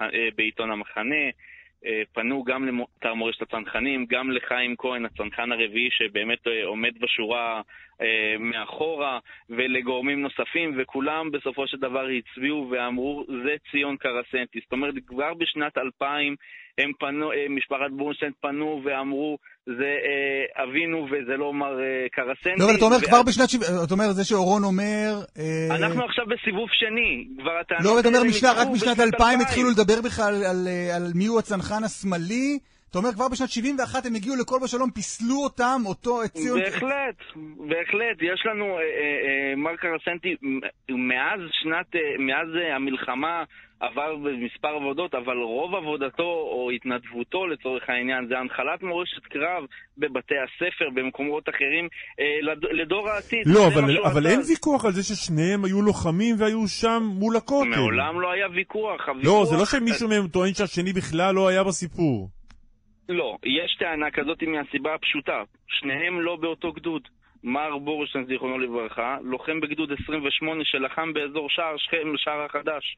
מר ציון קרסנטי לוחם בגדוד 66, שהוא ביחד עם גדוד 71 פרץ לכותל. אז הטענה שלכם זה. שבורשטיין בכלל לא היה שם? הוא לא היה בסיטואציה. כלומר, הוא היה, אתה אומר, לא בשער שכם. והוא סיפר לילדים, אז זה אני בכותל. הוא, הוא, הוא אפילו, בוא נדייק, הוא אפילו לא סיפר לילדים. הסיטואציה הייתה היא שמשפחת בורשטיין יושבים ביום העצמאות של שנת 86, ובא, והייתה איזה, אה, היה מצעד צה"לי, והוצגה בין היתר בטלוויזיה התמונה של הצנחנים. האימא, אשתו של אה, מר בורשטיין המנוח, אומרת לילדים, הנה אבא, ואז בתגובה הוא אומר, הייתי שם במקרה. זה המילים, הייתי שם במקרה, שלוש מילים. רגע, לא מאיפה אתה יודע- מאיפה אתה יודע את. זה? עדויות של בני המשפחה במהלך ההליך המשפטי, ומהסיפורים, ועל כך הם מתבססים. אורון? תראו, אם אנחנו מדברים על ההליך המשפטי, הטענות שלנו התבססו על כמה גרסאות די סותרות, לטעמנו, שמסר קרסנטי. בעיקר, אגב, לאותה מקריות של, אה, של הצילום. קרסנטי, ואימתנו אותו גם בחקירה הנגדית, מסר כמה גרסאות שטענו שהצילום הזה היה מבוים, וגרסאות אחרות שטענו שהצילום הזה היה אקראי ואפילו לא ידע על הצילום הזה. רגע, אבל עזוב רגע את קרסנטי. מה יש לכם ביד שקושר את אה, אברהם בורשטיין לנוכחותו בצילום? יופי. מה שלמעשה אנחנו נדרשנו לעשות, כי אנשים חיים אה, אה, כאלה שהכירו את אה, בורשטיין אה, לא היו. גם בורשטיין לא היה חברם של אותם אה, שניים או שלושה שהצטלמו שם. אה, כי היו שם כל מיני אנשים שהגיעו מכל מיני מקומות בסערת הקרב שמתרחש אה, באותו בוקר של, אה, נדמה לי השבעה ביוני או שישה ביוני ב-67, ולכן אנחנו השתמשנו בעיקר במומחים פורנזיים. מן העבר האחד הציבו כנגדנו מומחים לזיהוי פנים. לא, לא, לא, של- נגד- נגדכם הציגו לוחמים בגדוד. נגדנו, נגדנו. ואנחנו אה, הבאנו מומחים מן העבר השני והצבענו על כך שיש הסתייגות מאוד גדולה, גם בעולם, גם באו"ם, גם במייקרוסופט, גם ב-IBM, אלגוריתמים שמזהים אה, אה, תווי פנים. יש לכך הרבה מאוד הטיות והרבה מאוד בעיות. לא, אבל אורון שוורץ, השופט אומר שם... רגע, רגע, לא, שנייה. בעניין הזה. רגע, רגע, בעניין כן. הזה, השופט אומר שם בסוף שאין לו צורך לקבוע, כי לא דיברנו על השורה התחתונה, אין לו צורך לקבוע מה האמת, זה ויכוח היסטורי, אבל הוא גם אומר שאין לו שום סיבה לפקפק בעדויות של החברים מהגדוד. אלה שהעידו. שמדובר, רגע, רגע, אלה שהעידו שמדובר בציון קרסנטי, ואומר השופט, ואני מצטט, נמצא אפוא כי בפניי שתי עדויות ממקור ראשון. מהן עולה כי הצנחן בתמונה הוא התובע, כלומר ציון, אל מול עדות מפי השמועה של הנתבעים, שזה אתם, באשר לדברים שנאמרו על ידי המנוח. אני מסכים שאת היתרון של אנשים שהכירו את בורשטיין לא היו לנו. בעיקר משום שהוא איננו בחיים וגם חבריו איננו בחיים. לדעתי גם היה מבוגר יותר מרוב האנש- האנשים מהקבוצה שהצטלמה שם. אבל בכל זאת, בית המשפט בסוף לא מוצא להכריע בזה. אני מבין אני- את הרצון של רק- בית משפט, רגע, רגע, שנייה, רגע. אה, אה.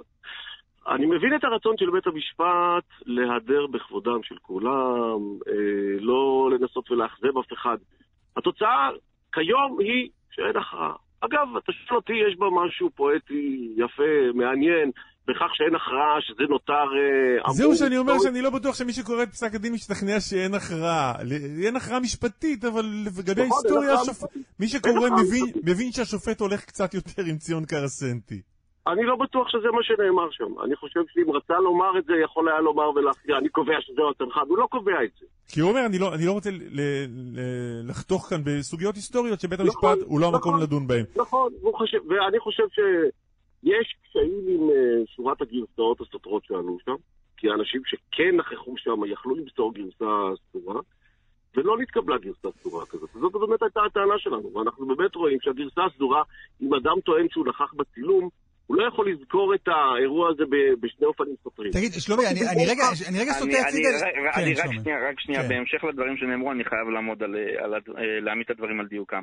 אמנם השופט לא נתן פה הכרעה מצד אחד, מצד שני, מי שקורא את, אה, את פסק הדין במלואו, יכול להיווכח שהשופט גם בוחן וחוקר לקרביים את חוות הדעת שהציגו משפחת בורשטיין, את חוות, את חוות דעתם שעליהם הם הסתמכו לאורך כל הדרך, ואת עדותו של המומחה הנוסף שהם הביאו, והוא אומר שם דבר מאוד מאוד חשוב. קודם כל, גם המומחה המו- הנוסף שהם הביאו, פרופסור יוסי קלר, סותר את חוות הדעת שהנתבעים הביאו, של, מר. של אה, אבנר רוזנגרטן, של, של אותו מומחה פורנזי. המומחה הנוסף מטעם הנתבעים אומר בצורה ברורה, לא הייתי מסתמך על, חוות דעתו של אה, אה, מומחה פורנזי כזה או אחר, היות ואין לו את הכלים לא האפשריים לעשות את זה. רגע, שנייה, שנייה. בנוסף, בסופו של דבר, גם השופט אומר בצורה ברורה שאין לתת משקל ראייתי לחוות הדעת עליהם הסתמכו הנתבעים. זאת אומרת, אוקיי, תגיד, עורך דין בן חוץ סבו, מלכתוב באותיות קידוש לבנה ולתת לא, החלטה שהליך משפטי... אין הכרעה. רגע, עורך דין בן סבו, עורך דין בן סבו, כן. שנייה, אני רוצה לזוז רגע הצידה. למה ציון החליט להגיש תביעה? זה הרי לא לשון הרע על עיתון שאני זוכר שאני הייתי בכותל בתמונה, אז אתה חושב שהוא טועה. מה מה הלשון הרע כאן? אנחנו... למה הגשנו גררתם את זה לבית משפט? אחר כך הצד השני לתביעה שכנגד. שאלת הזהות מבחינתנו מעולם לא הייתה במחלוקת. לא אנחנו אתגרנו את שאלת הזהות. יש כלל מאוד פשוט במשפטים שנקרא שהמוציא מחברו עליו הראייה. לא יכול להיות מציאות שבה תבוא משפחה או כל אדם אחר מן היישוב ויטען טענות בעלמא, מבלי שהן מבוססות באופן משפטי, מבלי שיש להם את היכולת לבוא ולהגיד יש לי מסמך שיש לו תוקף משפטי ועליו אני מסתמך. יש לנו פה סיטואציה שבה משפחה באה עם איזה מסמך ממכון פרטי, שבסופו של דבר גם המסמך הזה נדחה מבחינה משפטית. בסדר, אבל והם התביעה שלכם לא התקבלה לא. רון, שנייה? שנייה. התביעה לא. התקבלה. הייתי שמח שזה יהיה יותר מובהק לך ולך. אנחנו, אנחנו, אנחנו מדברים, אנחנו בסך הכל נמצאים בערכאה הראשונה, ו... כן, אה, אתם הולכים לערער על זה? תראה, הסבירות שאנחנו נגיש אה, אה, אה, ערעור לא, תלוש, לא תלושה מהמציאות, זה... אני, אני, אני סבור באופן אישי שחופש הביטוי לא שווה לחופש השיסוי. לא יכול להיות שהרי אם בית המשפט לא יכריע בדבר כזה, או יקבע שיש פה פגיעה קשה בשמו הטוב לאורך שנה וחצי, עד היום יש פה מישהו, יש אנשים שמערערים על הדבר הזה. אבל זה פגיעה בשמו הטוב? בהחלט. ציון קרסנטי, כל חייו, כל מורשתו, זאת התמונה הזאת. מדובר פה באדם פרטי שנושק לגבורות, נאלץ בערוב ימיו, בסוף ימיו, בזקנתו, לצאת לקרב האחרון של חייו. ולמה? כי משפחה אחת באה ומפרסמת בכל כלי תקשורת, ב- אה, אה, על דפי אה, אה, רשת הפייסבוק, בראיונות אה, אה, תקשורתיים. כי, כי למה? כי זה מותר? כי זה חופש הביטוי? לא לא, על זה הדעת. חסידי, הרי זה יפתח פתח, זה יפתח פתח, זה יפתח פתח לכל אדם אחר, לקחת כל תמונה איקונית אוקיי. אחרת, או כל תמונה מסוימת, ולהגיד, זה אני, עכשיו אנחנו- בואו תוכיחו שלא. נסיים בזה כאן. עורכי הדין אורון שוורץ ושלומי בן סבו, המייצגים את אה, המשפחות בורשטיין וקרסנטי, תודה רבה. שלומי רק אה, יהיה בטוח שאני לא הולך לטעון שזה אני מצולם שם, הכל בסדר. יפה, הנה. יפה. טוען אחד לכתר נחסך מאיתנו, תודה רבה חברים. זה לא אני. אל. תבנו עליי. חבר הכנסת לשעבר איתן גינצבורג, אה, כחול לבן, המחנה הממלכתי, שלום. שלום, בוקר טוב, מה שלומכם? אנחנו בסדר, מה איתך? גם לא רע. כיום אתה באופן מנכ"ל... אישי, לא רע. כן, לא ברמה האישית ככה וברמה הלאומית ככה. אה, אתה, אתה מנכ"ל המחנה הממלכתי? מזכ"ל כחול לבן. אה, לא, ממש קרוב, לא מנכ"ל, לא, מזכ"ל, מנכ"ל, לא מזכ"ל, המחנה לא הזה, קורא כחול לבן. כן. מה עושה מזכ"ל כחול לבן? עוסק בסוגיות, מרכז ועוסק בסוגיות הפוליטיות של המפלגה, מבסס את השטח, אה, יש לנו בחירות מוניציפליות בקרוב שאנחנו אנחנו עוסקים בהן, אה, בונים תשתית אה, מפלגתית להכנה לבחירות הבאות. איך מווסתים את השטח? תן רגע איזה דוגמה קטנה לוויסות של השטח.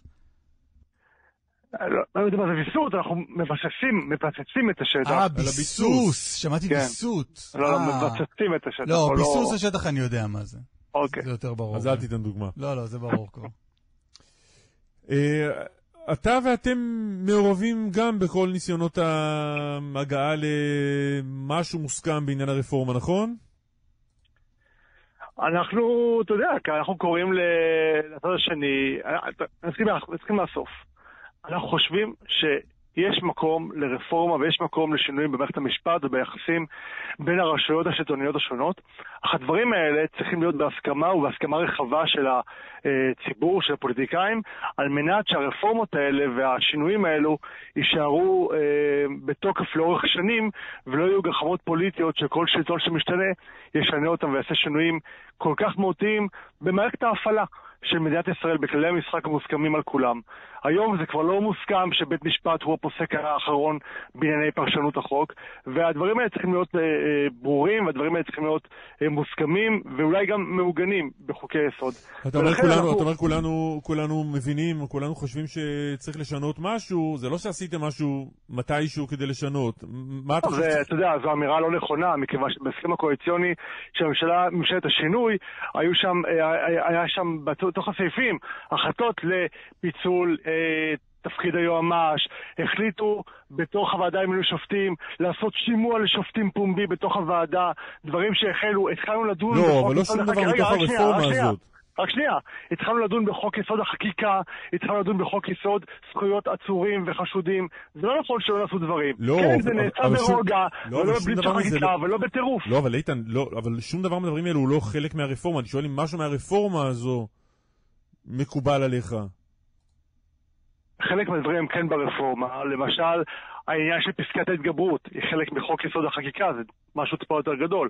זה כן היה לנו על סדר היום, פיצול היום, פיצול תפקיד היועמ"ש הוא חלק מהרפורמה שעוד לא פורסם בציבור, ואנחנו יודעים את זה בתוך השיחות הסגורות, שזה השלבים הבאים, גם, גם הסוגיה של אה, אה, חוק יסוד החקיקה ועוד דברים אחרים. אז בוא נחזור רגע לשאלה הראשונה שלי. זה חלק מזה. יש הבנה שצריך לעשות דברים למען אה, שינויים בין היחסים של מערכת המשפט לאזרחים, היחסים במערכת המשפט והרשויות האחרות, אבל מה שאנחנו רואים היום זו ריצת אמוק של קבוצה שניצחה בבחירות ומנסה לעשות שינוי של כל כללי המשחק. אתה יודע מה הם רוצים לעשות? הם רוצים לנצח בנוקאוט. הם רוצים שצד אחד ינצח וצד אחד יפסיד. ואני אומר שאם צד אחד מנצח וצד אחד מפסיד, כולם מפסידים. ואני אומר, זה גם מהצד שלי, אבל גם מהצד השני. אז איתן, בוא תחזור רגע לשאלה הראשונה שלי. מה אתם עושים עכשיו אה, כדי להביא לאיזשהו מתווה שיהיה מוסכם? אנחנו כרגע, א', אנחנו נמצאים בוועדות, בוועדת חוקה, חוק ומשפט, ששם מתנהלים הדיונים, שלא עוצרים ולו ליום אחד, מנסים לשפר. אני מודה שיש שם, אין שם באמת הקשבה כמו שהצד השני מנסה אה, לספר לציבור. הם לא מקשיבים למה שהאופוזיציה אומרת, הם לא מקשיבים למה שהמומחים אומרים. כרגע הנוסח נשאר אותו נוסח, עוד לא ראינו שום שינוי מהנוסח שהם הביאו, ולכן זה קצת שיח של חירשים, וזה מידרדר לפעמים לקרקס בתוך הוועדה. אה, אני שמח גם שיש אה, אה, מתווים והצעות ופתרונות של אנשים מאוד מאוד רציניים, ואולי אפילו רבי- רבים, שהם נדרשים לסוגיה הזאת ומבינים כמה הרפורמה שמביאים היום היא לא מאוזנת והיא לא אבל מתואמת. יש משהו מכל מה שקורה, מכל המתווים האלה שפורסמו, שאתה אומר, יאללה, בוא נסכים על זה ונחוקק את זה? תראה, אני חושב שאם היינו יכולים לשבת בתוך חדר אחד ולשוחח על דברים בנחת, בלי איזה סטופר שמישהו קבע שבעוד שבועיים חייבים להעביר בקריאה שנייה ושלישית, אפשר היה להגיע להסכמות אתם יכולים לשבת. ביחד. מה? אתם יכולים לשבת ביחד. בוודאי שאנחנו יכולים לשבת ביחד, אבל בזמן שהם נקבו במועד, שהם עד סוף הכנס, עד סוף כנס החורף, שזה עוד שבועיים, רוצים להעביר את החוקים בקריאה שנייה ושלישית. כשאתם יודעים, ביום ש... לא, בסדר, ש- אבל הש- הש- השעון חול הזה כל הזמן מתקצר. אבל ש- הם לא עוצרים. אסף, הם פשוט לא עוצרים. כן, אבל אתה יכול לשבת, אבל לדון, אתה יכול הרי- לשבת איתם במקביל. אם אבל- תגיעו לאיזה פריצת דרך, ממילא כל מה שקורה בוועדה עכשיו עם כל הריצה הזאת לא יהיה רלוונטי, אבל אתם בוחרים לא לעשות את זה. קלמן, ממה נפשך? הרי הכוח אצלם. אם היינו עוצרים- לרגע, יושבים, משוחחים, מדברים, מנסים להגיע להסכמות, דברים שהם מוסכמים, והם היו פתאום מגלים שאין לנו כוונות אה, אמיתיות, שאנחנו לא אה, עם אה, לב פתוח ונפש חפצה, ואנחנו סתם רוצים לגרור זמן, או כמו איך אומרים, שיעשו לנו מעשה דני פרידמן, אז אה, הם יכולים מיד זה לחזור, טיעון טוב, אבל הוא טוב לשני הצדדים. וזה הכל. זה טיעון? טוב, אבל הוא טוב לשני הצדדים. מאה אחוז, אבל כרגע מי שנמצא עם הכוח ומי שמקדם את החקיקה ולא רואה בעיניים ומעביר ביום אחד שלושה חוקים שכל אחד בפני עצמו היה פותח מהדורת חדשות כי הוא בומבה, אז uh, זה הם. ולכן אני אומר, יש אפשרות להגיע להסכמות רחבות שיסכימו, שכל הציבור יחתום עליהן. יש הזדמנות חוקתית אמיתית היום לשבת ולדבר. תגיד, אז, אז רגע, אז אני, אני, אני. מבין מה, אני מבין בדברים שלך שאין מגעים. יש כל מיני הצעות, ואנחנו שומעים הרבה מאוד... כחול אה, לבן, פתרונות. המחנה הממלכתי, מעורבים במשהו? נמצאים באיזשהו חדר? מדברים איתנו הרבה מאוד גורמים שמנסים להציג כל מיני פתרונות. אנחנו כמובן נמצאים גם אצל הנשיא. ומשוחחים יש. לכם איזשהו מאוד- דיאלוג ישיר, עקיף, עם הצד השני, יריב לוין, שמחה רוטמן?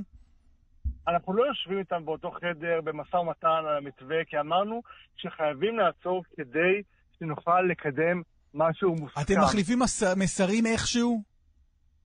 מה זו החקירה, הדבר, מה, מה זו החקירה הזאת? אני... אדוני אני- הגיע לראיון. הגיע בראיון לראיון, אנחנו מנסים לא להגיע לחקר... לא, אתה יודע, רואים שאף אחד לא יודע בחקירת שב"כ.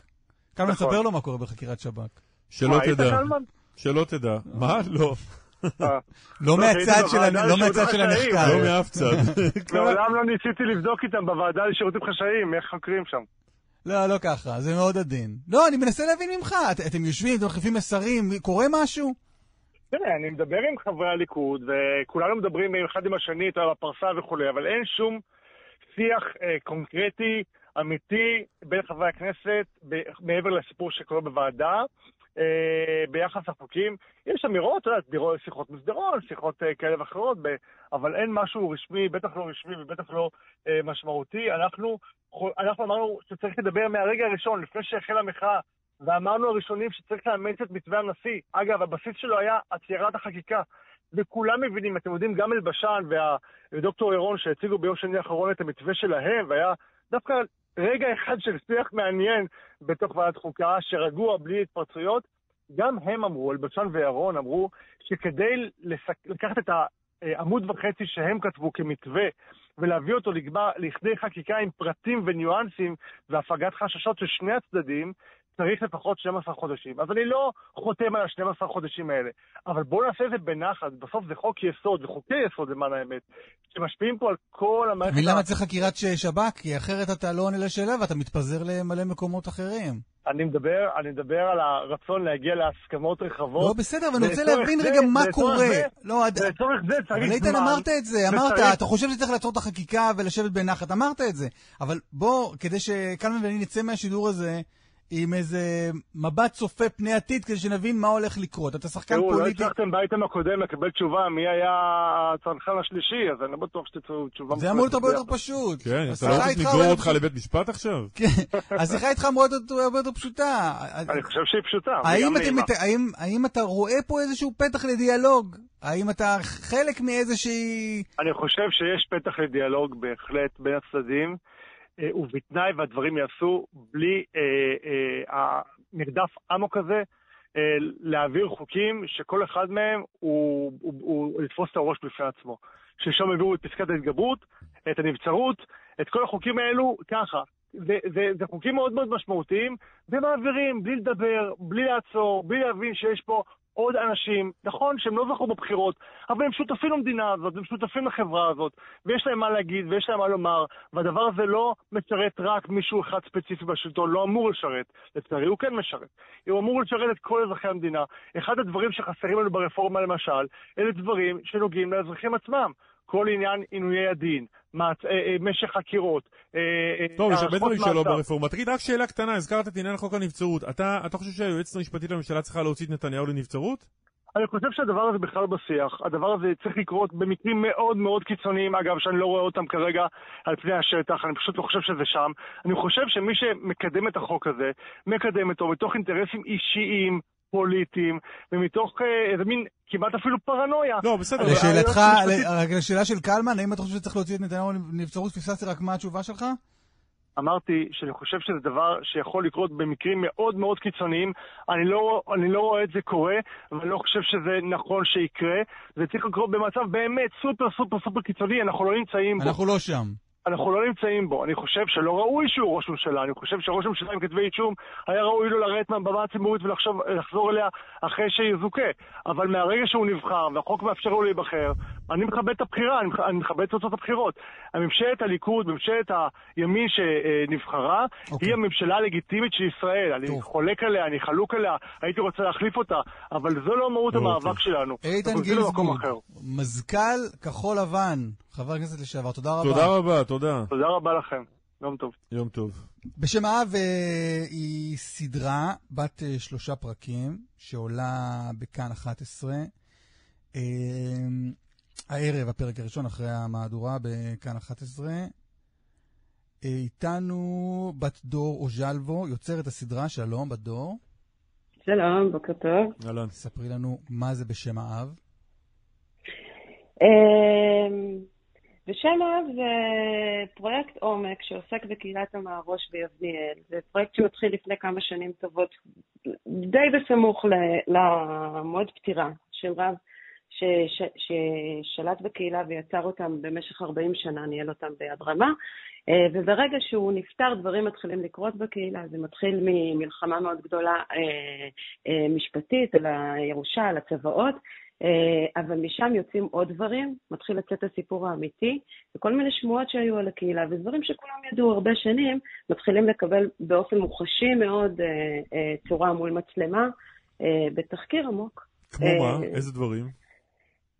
קודם כל, אחד הדוברים הגדולים הוא, הוא הבן של הרב, הבן שחי בניו יורק. זה רב שהיה חי בניו יורק והקים קהילה בישראל. אז הבן שלו מדבר ונותן עדות לאורך כל הסדרה, ובצירוף לעוד בערך עשרה אנשים שבאים, גם כאלה שחיים שם היום, גם כאלה שיצאו משם. הדברים שעולים הם אה, מדברים על, אה, בקצה שלהם, על תקיפות מיניות, על חתונות ילדים, ולאורך הסדרה אני רוצה לומר שיש המון המון ניואנסים שמדברים על, על אה, מנגנון שליטה. זאת אומרת, איך באופן מאוד קיצוני אנשים הולכים אחרי רעב, קהילה שהולכת ונהיית מאוד אלימה, אה, ש- שהסנקציות למי שלא עומד בדרישות של הרב הן מאוד אלימות, אה, וזה הולך ונבנה לאט לאט לאט, מתחיל מסיפור יפה עם מטרה לבנות איזו אידיליה, ולאט לאט מידרדר. כמה גדולה הקהילה הזו? כמה גדולה, היום מדובר ב... קודם כל היום הוא נפטר, כבר אי אפשר להגיד שיש קהילה אחת, יש שם אה, איזשהו פירוק לכמה, אה, ויש את ממשיכי דרכו. אז היום הם נמצאים בברוקלין, קמה קהילה מאוד גדולה של מישהו שהוא התלמיד שלו, בישראל יש עוד כמה. אה, בעבר, כשהוא היה בחיים, הם היו בערך 400 משפחות שחיים בתוך הקהילה, ועוד הרבה מאוד אנשים שהריצו אותו מבחוץ.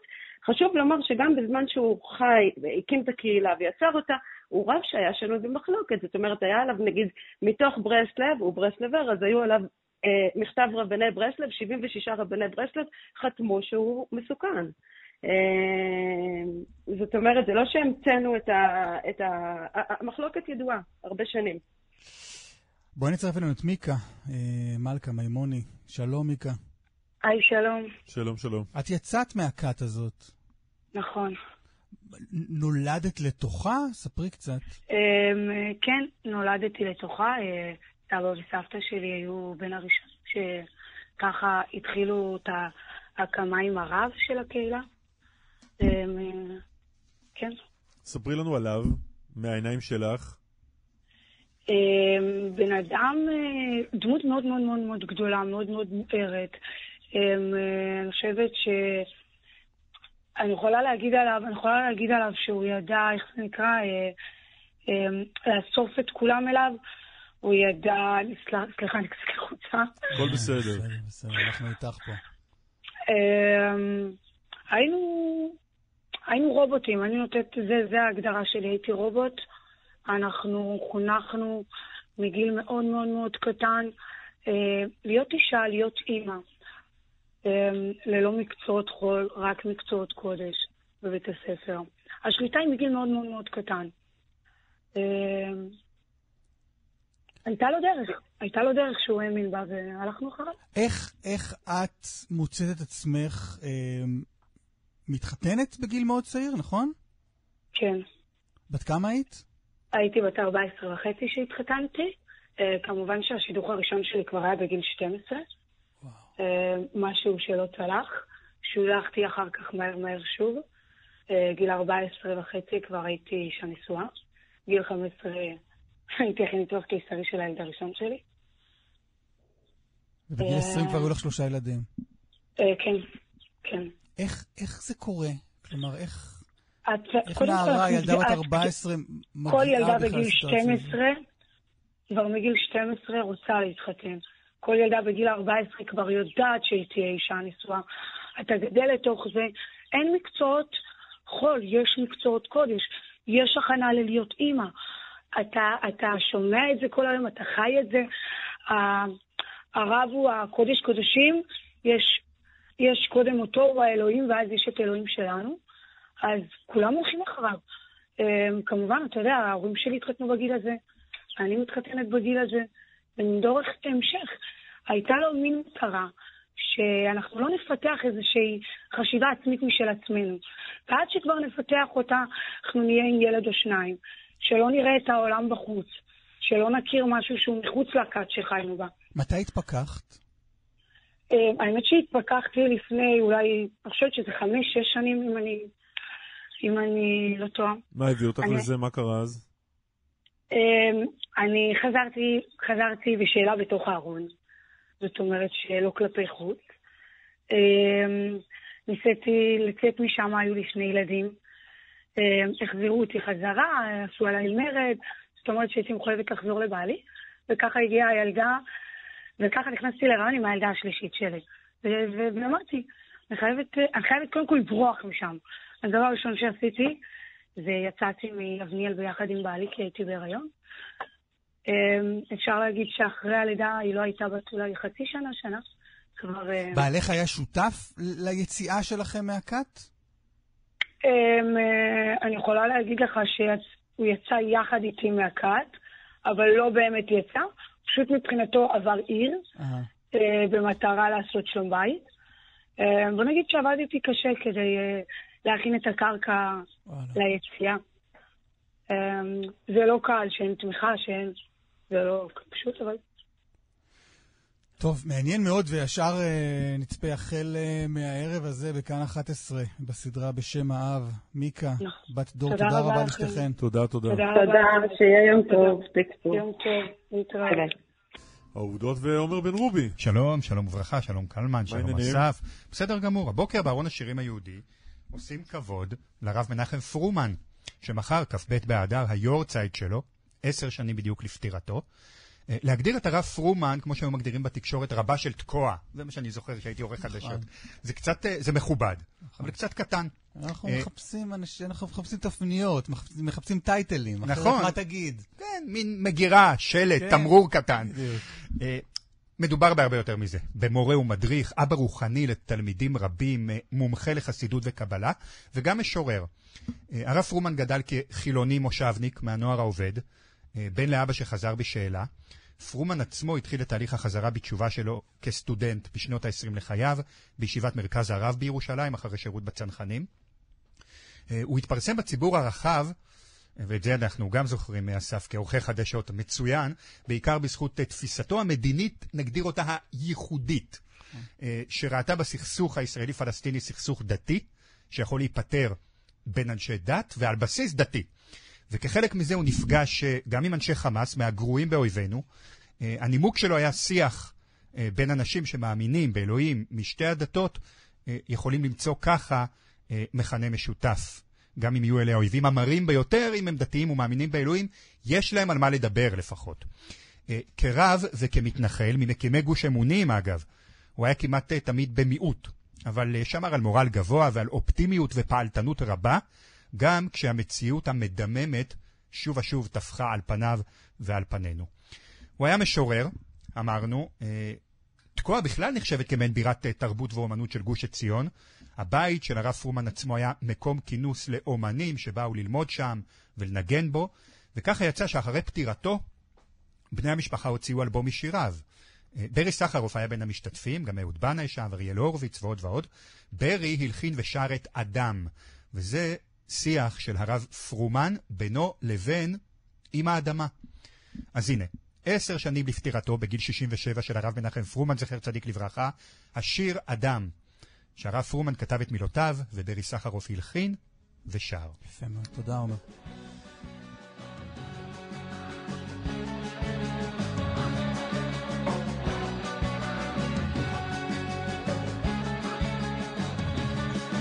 ובמה אחסה על צאתי מרחייך הפרידה, הבגידה, הגירוש, זקיפת הקומה, הרמת הראש מעלייך, ופי הממלל גדולות, ובמה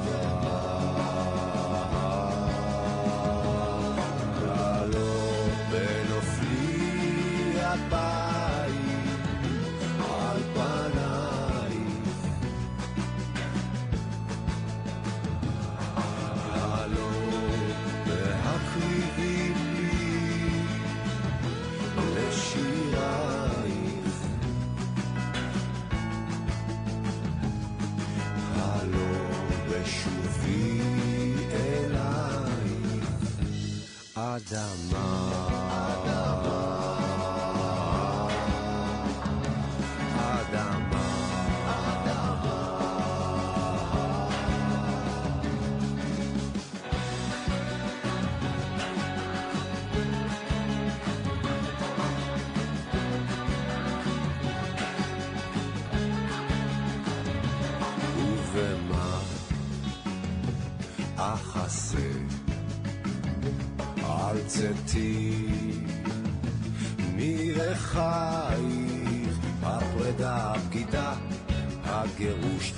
זקיפת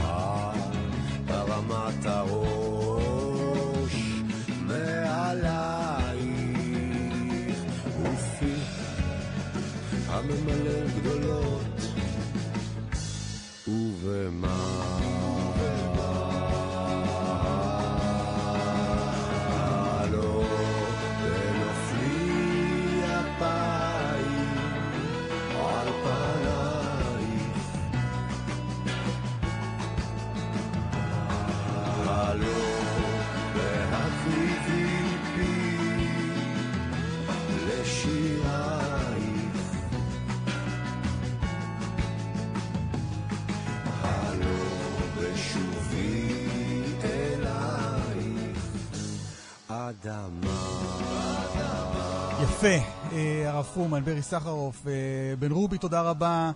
איתמר דרוקמן ותימור טל ערכו, נדב רוזנצוויג יפי, קובי בז'יק על הביצוע הטכני, חגית אלחיאני במוקד התנועה, קלמן ליבסקין, תודה רבה לך. אסף ליברמן, תודה, תודה להתראות.